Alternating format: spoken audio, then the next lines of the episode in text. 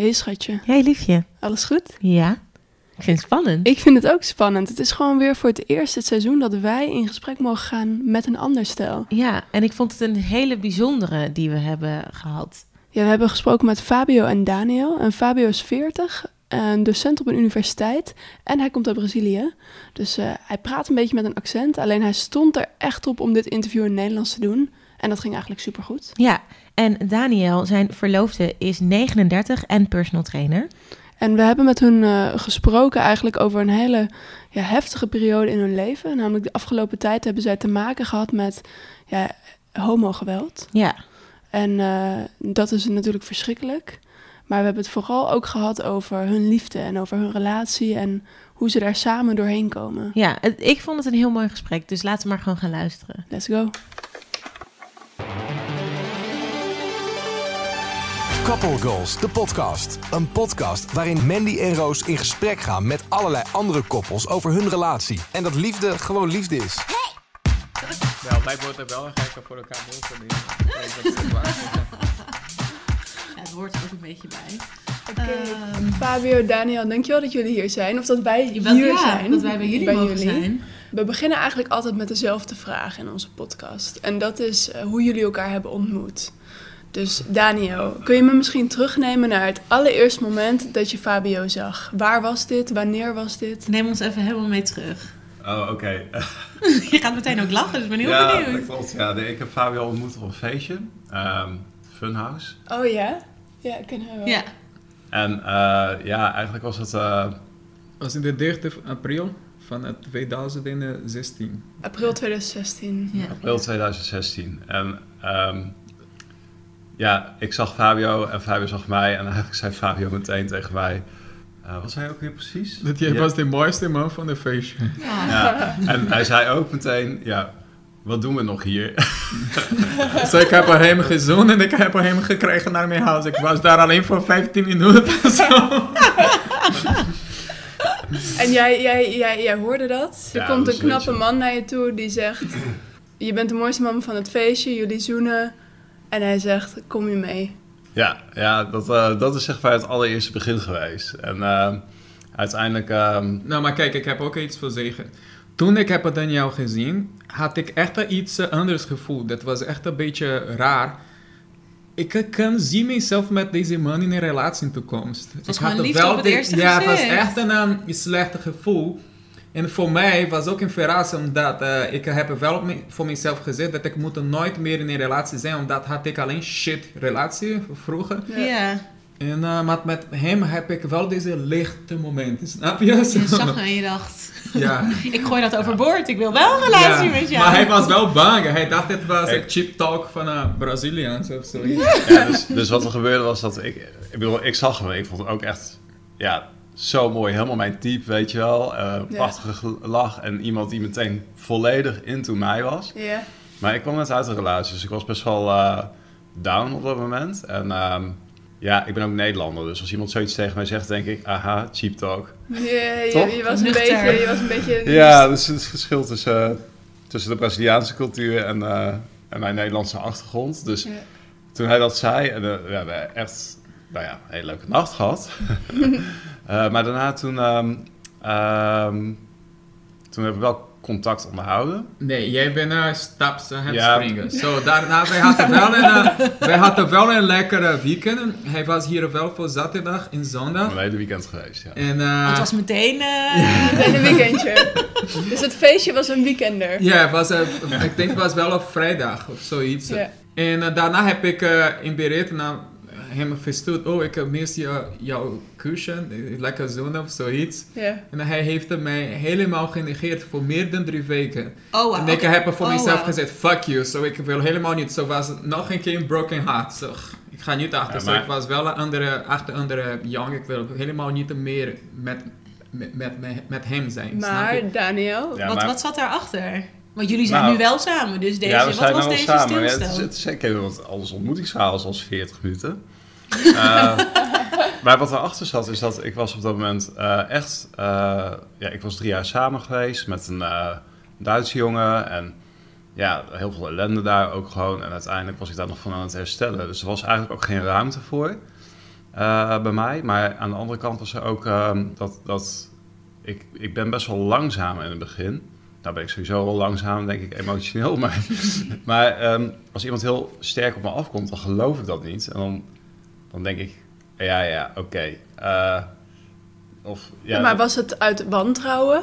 Of uit Mm. onzekerheid? Of uit, wa- wa- waar, wat zat daarachter? Nou, eh, aan de ene kant was het dus dat ik echt nog bezig was te helen. Dus ik, Ja. ik had geen ruimte voor ehm, het verliefd zijn. Ja. Of, eh, ja, en, en aan de andere kant was het ook het ongeloof van...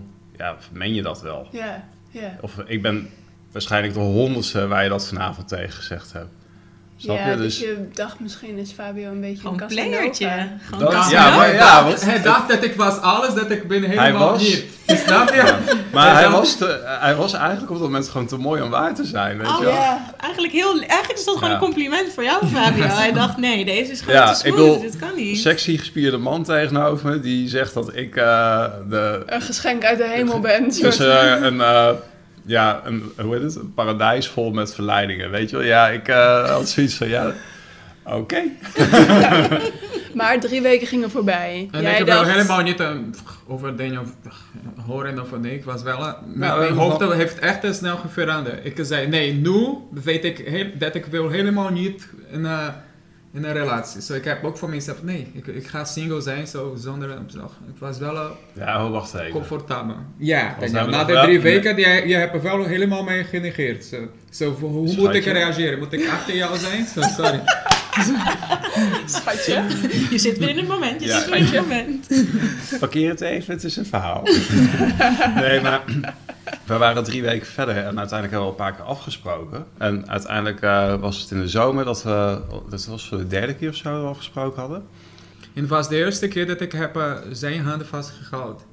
En Ah. toen daar voelde ik echt iets eh, anders, nog steeds niet zo sterk, maar Ja. wij voelden to- samen een uh, Ja. bijzondere eh, verbinding. En was dat ook voor jou? Ja, voor mij was het een bijzondere moment. Was het was natuurlijk onze Ja, handen vasthouden. Dat toch? klopt. En op dat moment was het voor mij ook gewoon... We zijn toen naar de bibliotheek gegaan. Die Ja, dat is mijn favoriete plek van Amsterdam, de, Ja. de bibliotheek Oba. van eh, ja, Ja. Oba. Ja.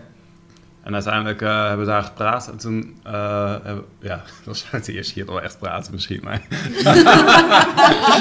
Omdat, maar Ik iets niets tussen de lakens. Ja. Nee, maar precies, ik wat, wat we toen eh, hebben we echt wel over privé dingen gepraat. Volgens mij heb ik toen ook over mijn ex gepraat. En jij over jouw vader. En, Ja, en mijn ex ook. en jouw ex. Ach, en, maar- voor mij was... Volgende onderwerpen. Nee, maar voor mij was een...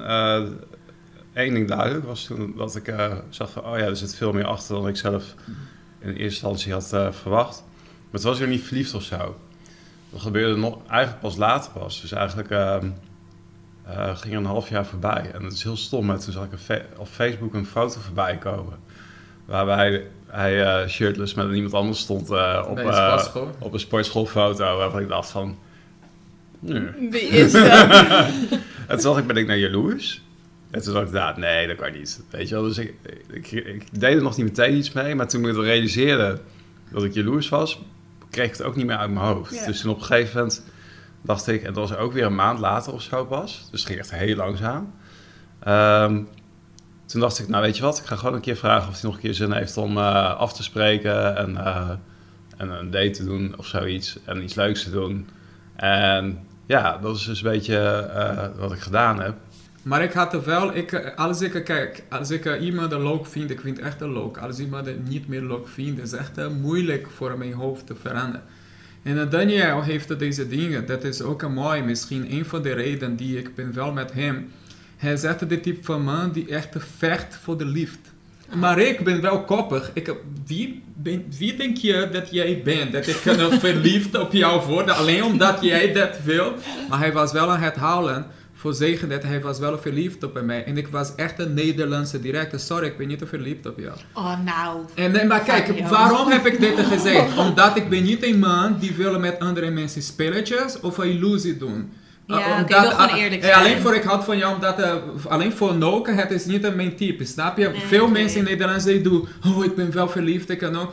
En eh, Daniel heeft er wel gevraagd, Fabio, wat moet je doen als jij in mijn plaats was? Ik ga niet uh, wasting my time. Ja. Maar... Zo da- streng was jij. Nee, maar, ja, maar kijk, ik was ook, ik was ook hurt. Ik, had echt, eh, Ja, ik was echt een lange verliefd voor een man die helemaal niet te waar was. En ik Ja. had er wel een hartbroken. Toen eindelijk had ik nog steeds hoop. Daniel, hij was wel ja, je, had gewoon nog oude trauma's Zo, eigenlijk. en voor mij, hoe kan ik wel geloven dat deze man verliefd op mij was als hij helemaal niet meer mij kent, snap je? Ja.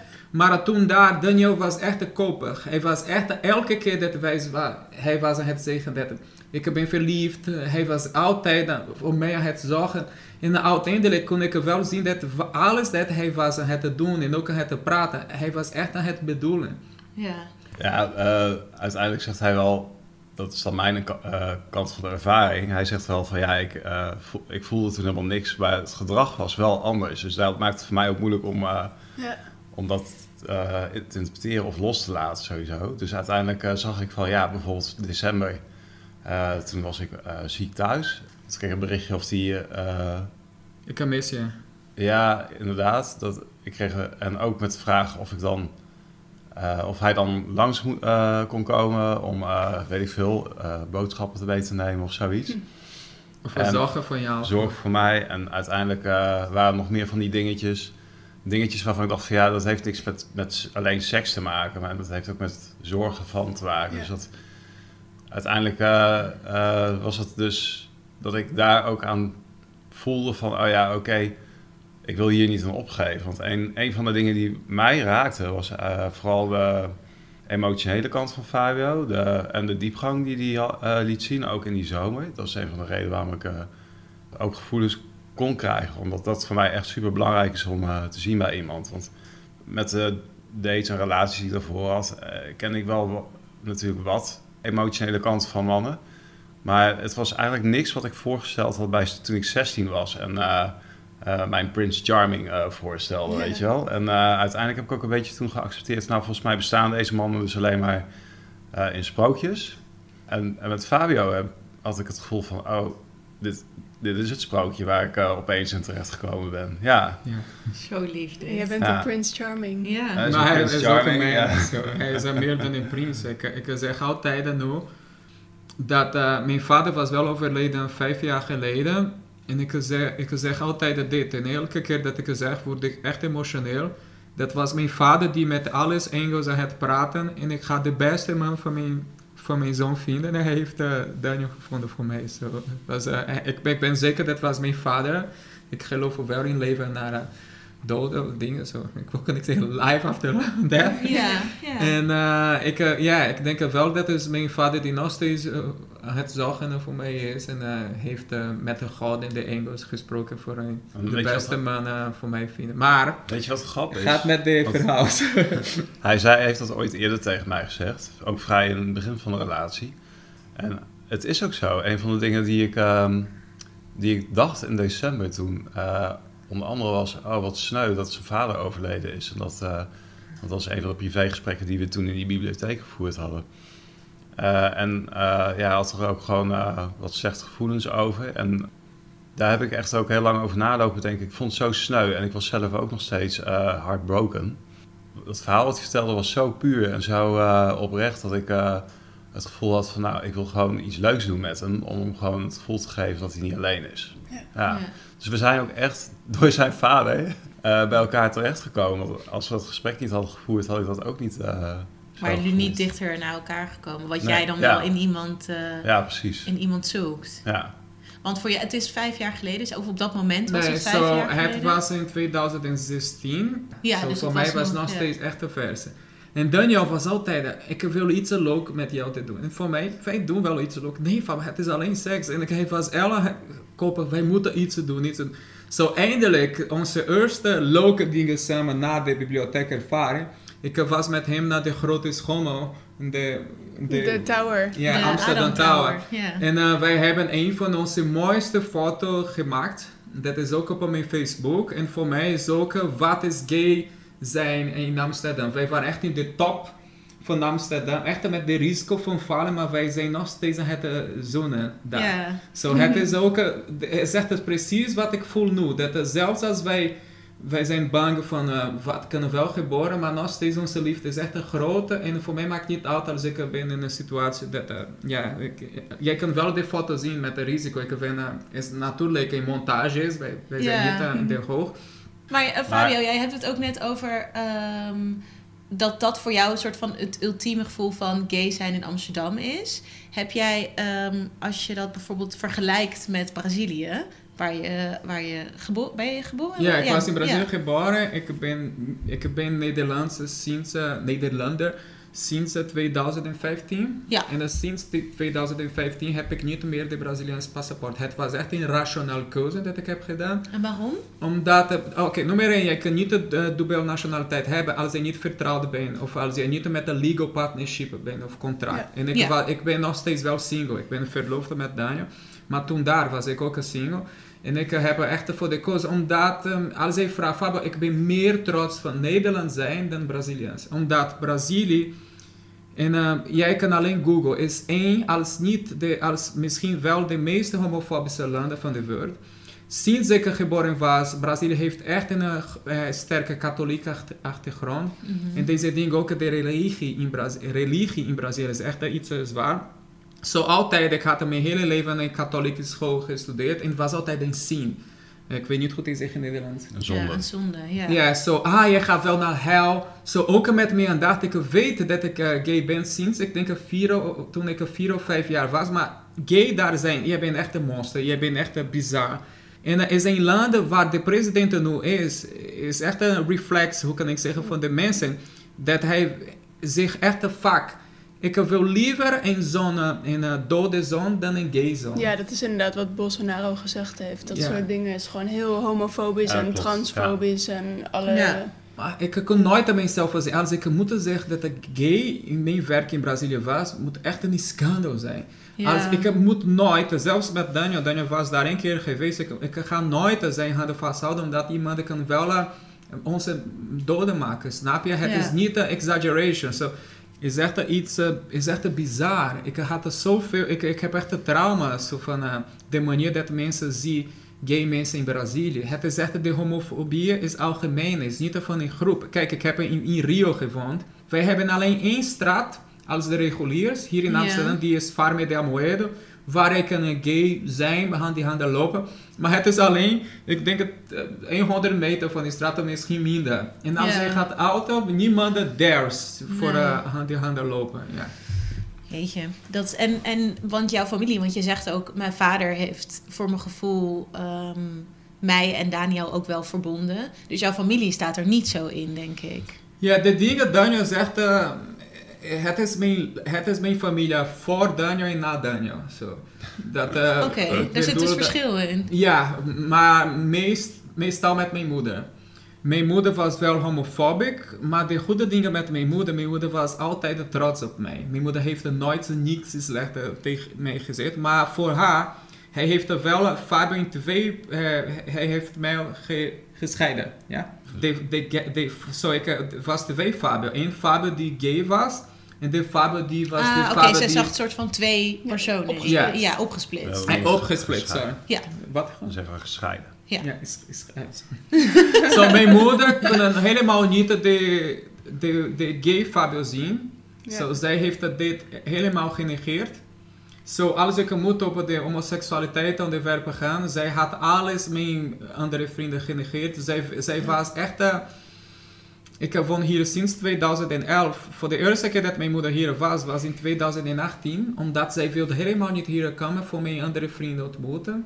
Dat het voor haar was echt iets vies. Het, go- God dat kan niet deze accepteren.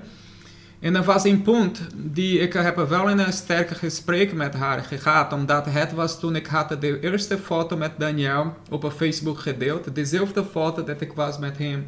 Op dat de schommel. eh, op de schommel naar het zone.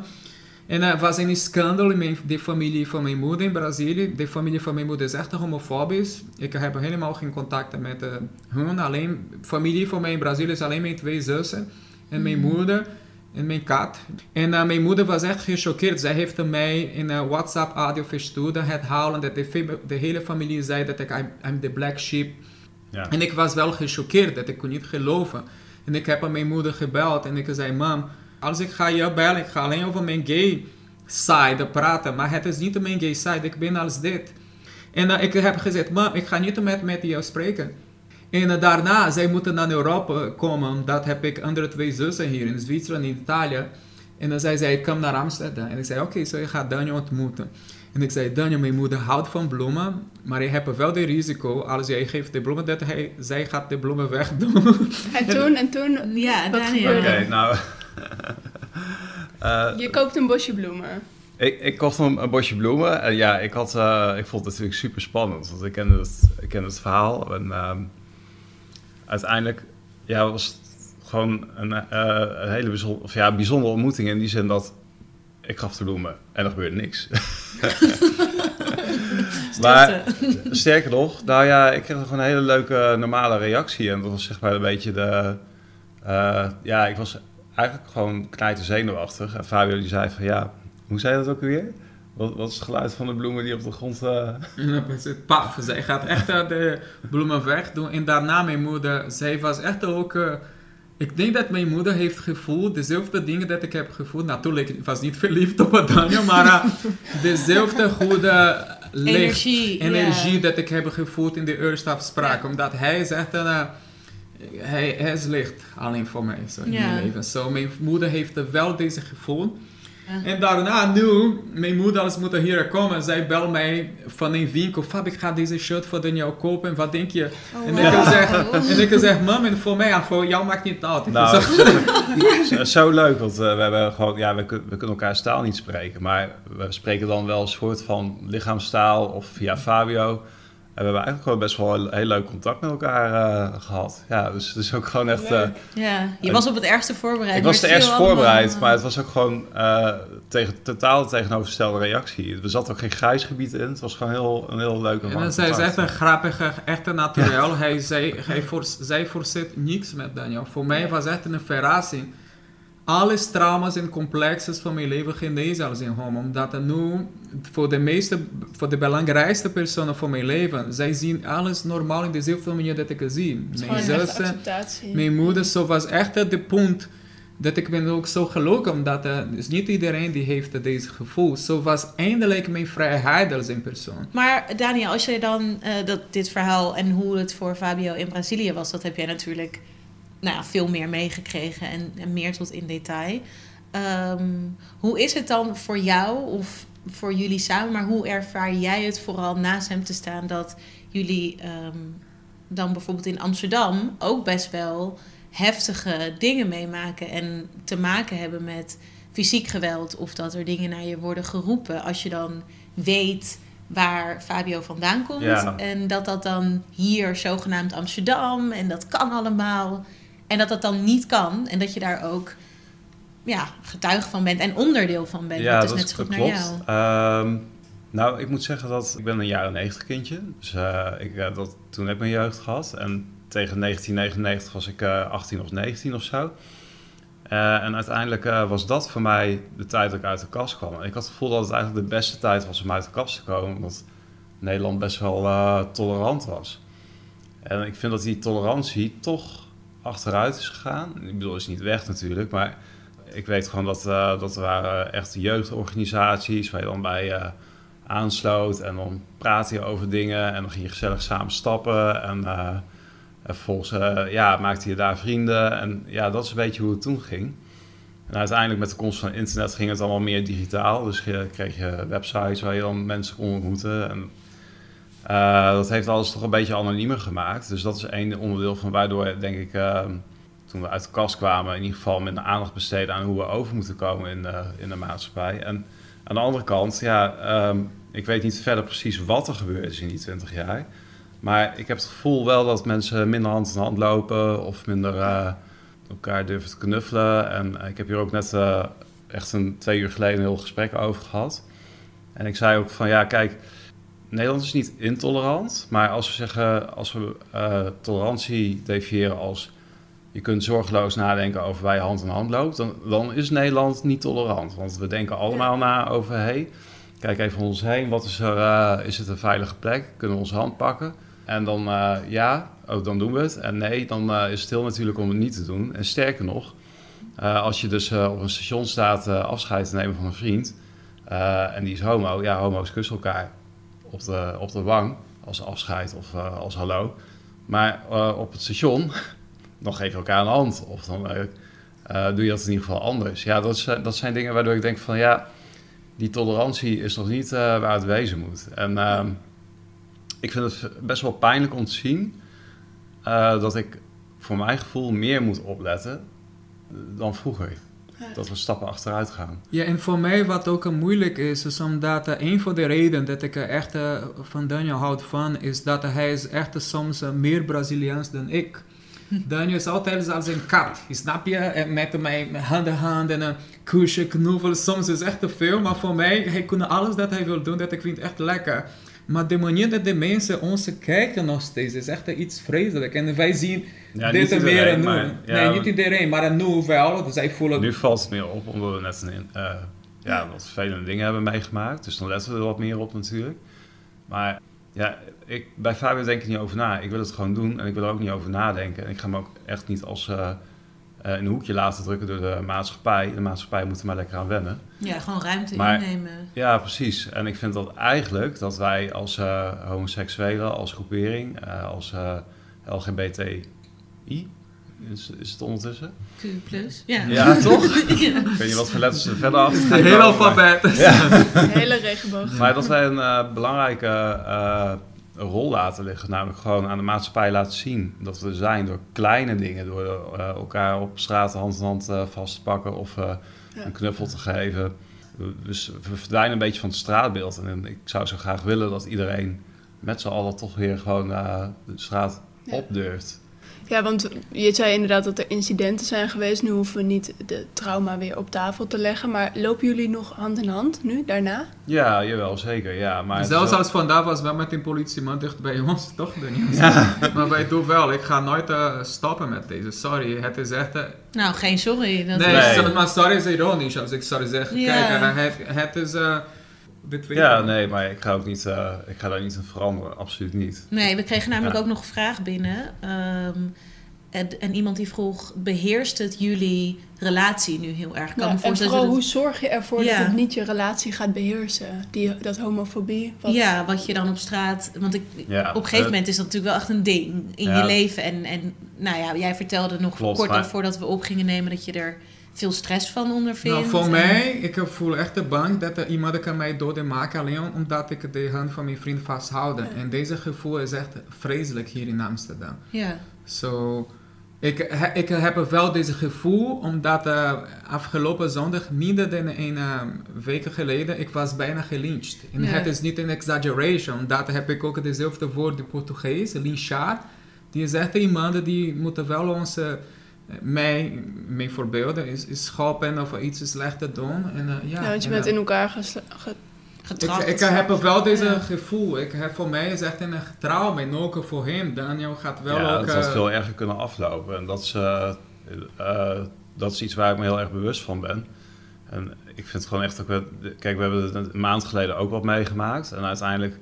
Nou, hè, dan ga je naar de politie, je doet, ja. je, doet, je, doet, je verhaal en dan moet je weer wennen aan uh, het feit dat je hand in hand op straat loopt. En de eerste keer dat je hand in hand op straat loopt, denk je, ja, is het nou omdat het forceren zijn of is het omdat we de, doen zoals we altijd doen? Ja. En dan moet je echt aan wennen. En we hebben daar een paar weken over gedaan. Maar nu zijn we weer terug, helemaal, ja, we zijn gewoon weer bij hetzelfde punt terug. Dus nu vandaag uh, heb ik wel uh, uh, nog meer dan de eerste keer de spanningen gevoeld van... shit, is het wel allemaal oké? Okay? Worden we niet aangekeken? ja, en dat is echt... En we worden aangekeken. Dus dat is echt ook, verschrikkelijk. Ja, ja, ja, Ik, ik ben mezelf best wel vaak bewust van. Want Fabio, wij, wij zijn oud-collega's. En lang geleden toen wij nog samen werkten, toen had ik lang haar. Ja. En als ik dan met Mandy op straat had gelopen, dan had ik wel inderdaad blikken gekregen, waarschijnlijk. Ja. Want toen waren wij nog niet samen. Nee. Of dingen gezegd als, uh, mag ik meedoen of gel. Maar nu, iedereen op, op het straat, gezicht denkt dat ja. ik een, een jongen ben. En dat ik met mijn vriendin loop. Dus nu um, hebben we daar minder last van. Maar dus Jezus, ik ben me natuurlijk heel bewust van hoe het is geweest en hoe het kan zijn. En met twee mannen uh, is het wel gewoon een feit dat er nog meer eh, reacties komen. Ja, die dus ook agressief zijn. Ja, compleet anders. Want, En wat iemand anders vroeg ook, ehm, ik kan me voorstellen dat je heel veel gevoelens hebt over de, de daders, de mensen die je dit aan hebben gedaan. Wat zou je willen zeggen tegen hun? Wat ik wel tegen hem zeg, kijk, als je wil wel spreken met ons, zo vertel de waarheid. Ja. Dat eh, jij was wel homofobisch, dat het spijt je, misschien omdat je geen eh, ervaring hebt, het is iets uh, inter intern. Ik kan wel begrijpen dat jij homofobisch bent, omdat ik vraag niet voor jou deze veranderen, omdat het is echt iets sterk binnen, maar wat ik vraag is wel respect en tolerantie. Omdat, kijk, als ik kijk op de stratenroos en ik vind het niet leuk dat jij met jouw vriendin loopt, ik heb de rechten voor niet leuk vinden. Maar Ja. ik kan alleen mee in andere kanten kijken, zonder Ja, ja, iets te zeggen. nou ja, Snap je? Zo, Ja. het is de dingen. Mensen moeten wel deze leren. Daarom ben ik ook hier in Nederlands het praten. Omdat probeer ook ik dicht bij de Nederlandse zijn. Ja. Met zijn cultuur. Ik ben wel samen met de Daniel en ik wil ook dicht bij zijn hart zijn. Zelfs met mijn slechte Nederlander, maar hij kan nog steeds mij goed begrijpen. En jij, Daniel, hoe voelt dat voor jou? Ehm Heb je wat ik iets- zou zeggen tegen Ja, jongens? zou je Eh, iets zeggen of heb je zoiets van... Nou, nou, weet je eh, wat het is? Eh, ik ben sinds het eerste incident ben ik een bepaalde naïviteit kwijt. Maar dat komt omdat op het moment dat het gebeurde, zag ik die jongens en toen begreep ik uit de blikken en de manier waarop ze communiceren dat ze geloofden dat ze iets goeds deden. En dat vond ik ehm, best wel ehm, heftig. Want je kunt namelijk niet in iemands hoofd kijken als ze voorbij loopt. Maar in zo'n incident zie je letterlijk wat, wat iemand denkt. Of tenminste, dat, dat komt eruit. En ik zag gewoon eigenlijk letterlijk dat die jongens vonden dat ze geloofden dat ze iets eh, eh, goeds deden. Dus ja, ik kan wel iets zeggen, maar dat, ja, dat, dat gaat nooit niet aankomen. Nee. ik zou eigenlijk gewoon... Niet alleen zeggen, maar ook doen spoegen en ook schoppen. Ja, precies. Ja. En uiteindelijk eh, voor mij geldt, kijk, ik ben niet gelovig opgegroeid. Of in ieder geval, ik geloof niet, zo moet ik het zeggen. Jij In ieder geval- gelooft eh, in Ja, niet, mijn, ik geloof in liefde, maar ik geloof niet eh, in de Koran. En ik geloof niet in de Bijbel. Maar tegelijkertijd, Daniel, omdat ik heb eh, echt wel een sterke katholieke eh, achtergrond. Ja, nee, maar dat is... De Bijbel zei, en dit ik Ja. geloof nog steeds, dat God is liefde.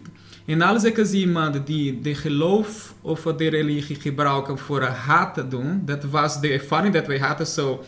Ik vind dat dit is niet te geloven. Zo, natuurlijk dat wij hebben niets gezegd over geloof, Nee, maar, maar en, en iemand komt terug met de haat. Ja. Dat de, de, alles religie praten wel over liefde. Ja, De- ik ben zeker. Ik Dat heb klopt, nooit de Koran gelezen, de boeddhistische dingen, de, maar de Maar- Bijbel wel zegt wel op John. Dat Maar is laat me even een kanttekening toevoegen. De boeken, die, of de boeken die geschreven zijn, welke je ook pakt, volgens mij prediken allemaal gelijkwaardigheid en liefde.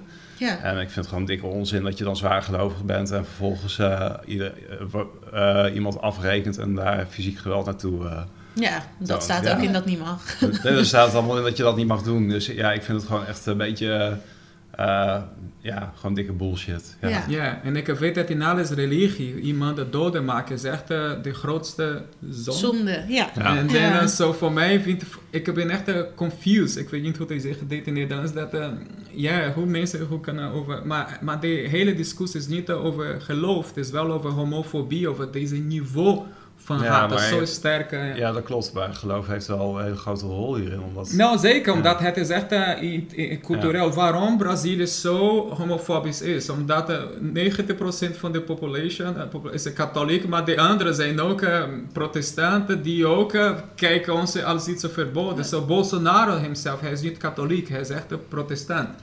En, zijn ook, ook wel de zwaardere gelovigen. Hè? Het Ja, het is natuurlijk ook wel heftig dat je ook bijvoorbeeld onder zo'n video of zo'n nieuwsbericht, dan komt er ook weer en heel veel homofobie onder weer uit, maar ook heel veel islamofobie en heel veel Ja, klopt, racistische ja. opmerkingen bijvoorbeeld. Dus het lijkt alsof de ene ehm, daad van haat weer andere haat oproept, weer andere haat en haat Ja. op haat ja, op haat. klopt. Ja, dat is Terwijl gewoon- inderdaad... Dat is gewoon nergens de bedoeling. Dat, Nee. dat gewoon...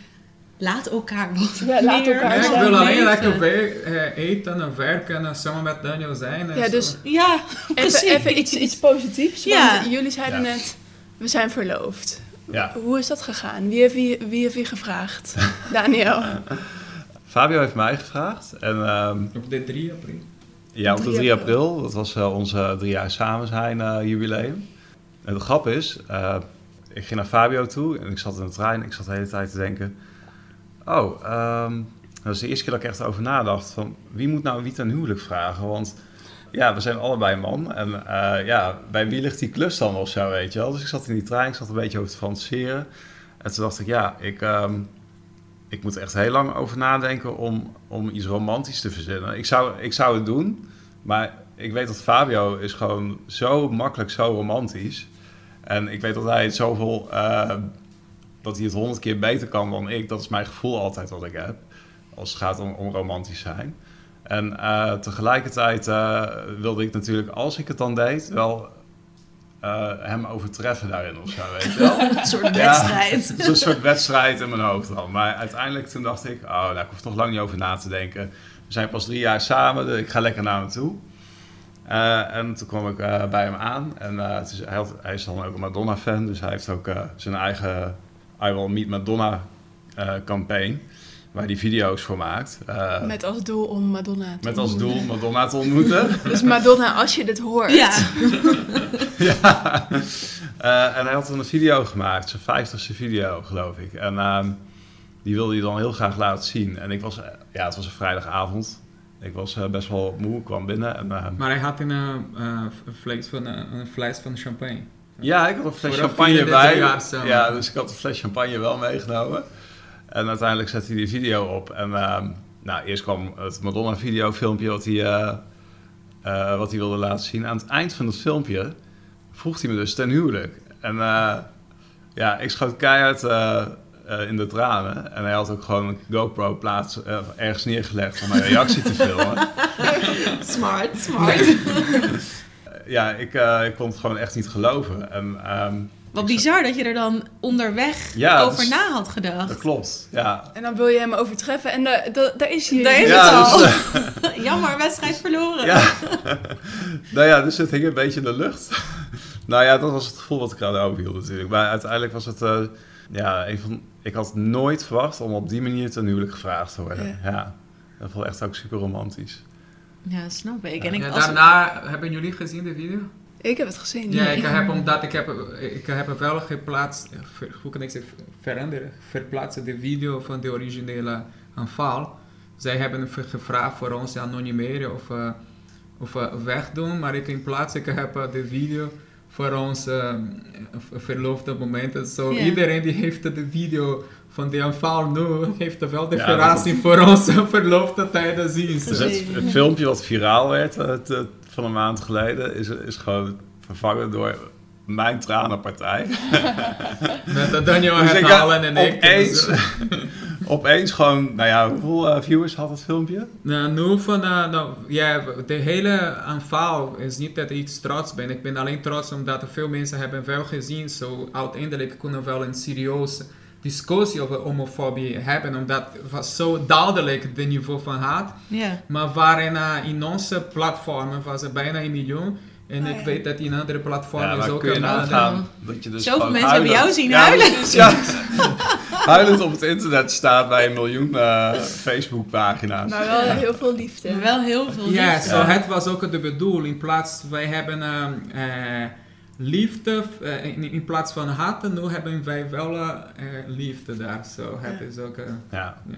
Dat is juist heel mooi. Ja, dan komen we eigenlijk bij de laatste vragen. Ja, jij mag. Als we dan toch uh, inderdaad in die uh, wie gaat liefdesvibe... Wie vragen ja, ik ga, hem, ik ga hem stellen deze keer. uh, en dan begin ik bij jou, Fabio. Um, wat vind jij nou zo mooi aan Daniel? En je mag het aan hem vertellen. Dat hij nog steeds met mij is. Na de, deze shit. Dat hij is nog steeds trots op mij. Hij komt op mij en zei... Ik ben zo trots. En een vrienden die had zoveel emotie. En dingen dat, dat is samen met ons is, is, is dat uh, Daniel, Daniel he, heeft er nooit mij opgegeven. En ik zei, Dan, maar kijk, de shit. Nee, ik hou van jij, bent nog steeds mijn prinsje. Jij bent nog steeds mijn dromen. So. En hij, ja, hij niet opgegeven. En hij is nog steeds trots op mij. En, en daarom zie ik dat ik nog steeds zeker ben dat hij hij is niet de liefde van mijn leven. Ik, ik zeg altijd dat als wij gaan doden zijn, wij gaan hand in hand lopen in de paradijs. En voor mij het is genoeg. Ja. En uh, het is de, wat ik voel. So. Ja.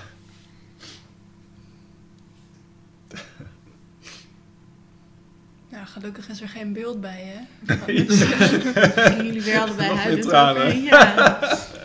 Daniel, wat is dat voor jou? Wat vind jij zo mooi aan Fabio? Fabio is echt vol verrassingen, maar is ook gewoon zo puur gewoon. Eh, ik bedoel, alles eh, eh, wat hij zegt en wat hij doet, het is gewoon ja, wat aan de binnenkant plaatsvindt. Dus het is ook gewoon voor mij, eh, ehm, dat vind ik zo mooi om te zien. Je weet soms ook gewoon niet waar dus al- altijd wel een verrassing om de hoek, zeg maar. Dus, hij weet het leven heel spannend te houden in ieder geval. maar ehm, ja, wat ik zo mooi vind is gewoon eigenlijk wie hij is. Dat- ik kan er niet echt. ehm, sorry, ja, ik ben nog steeds een beetje emotioneel. Ik bedoel, hij kan er zo romantisch goed uit de hoek komen ook. Nou, het is zo mooi om jullie samen te zien. Ja. En ik wil jullie ook echt... Ja, ik denk dat ik voor ons allebei spreek als ik jullie echt wil bedanken dat jullie ons op zo'n kwetsbaar moment in jullie leven ook eh, ja, hebben toegelaten om met jullie te praten. ja, juist omdat het nu zo... Dat je nog midden in deze shit-achtbaan zit. Ehm, En, het ja, Ja. en jullie hebben gewoon elkaar. En dat is... en dat zie je heel En dat erg. is en dat is echt heel mooi om te zien dat... dat als jullie nu ook zo zitten en jullie hebben elkaars hand ook vast... dat je aan elkaar echt eh, alles hebt. Ehm, ja, ik vind dat echt heel mooi om te zien. Ja, hij is ook eh, mijn alles. Ja, jij ook. Zo. Dank jullie wel, jongens. Jullie ook bedankt. We hebben lachen, gehouden, zo boos. Alles in deze podcast. zijn, zijn niks.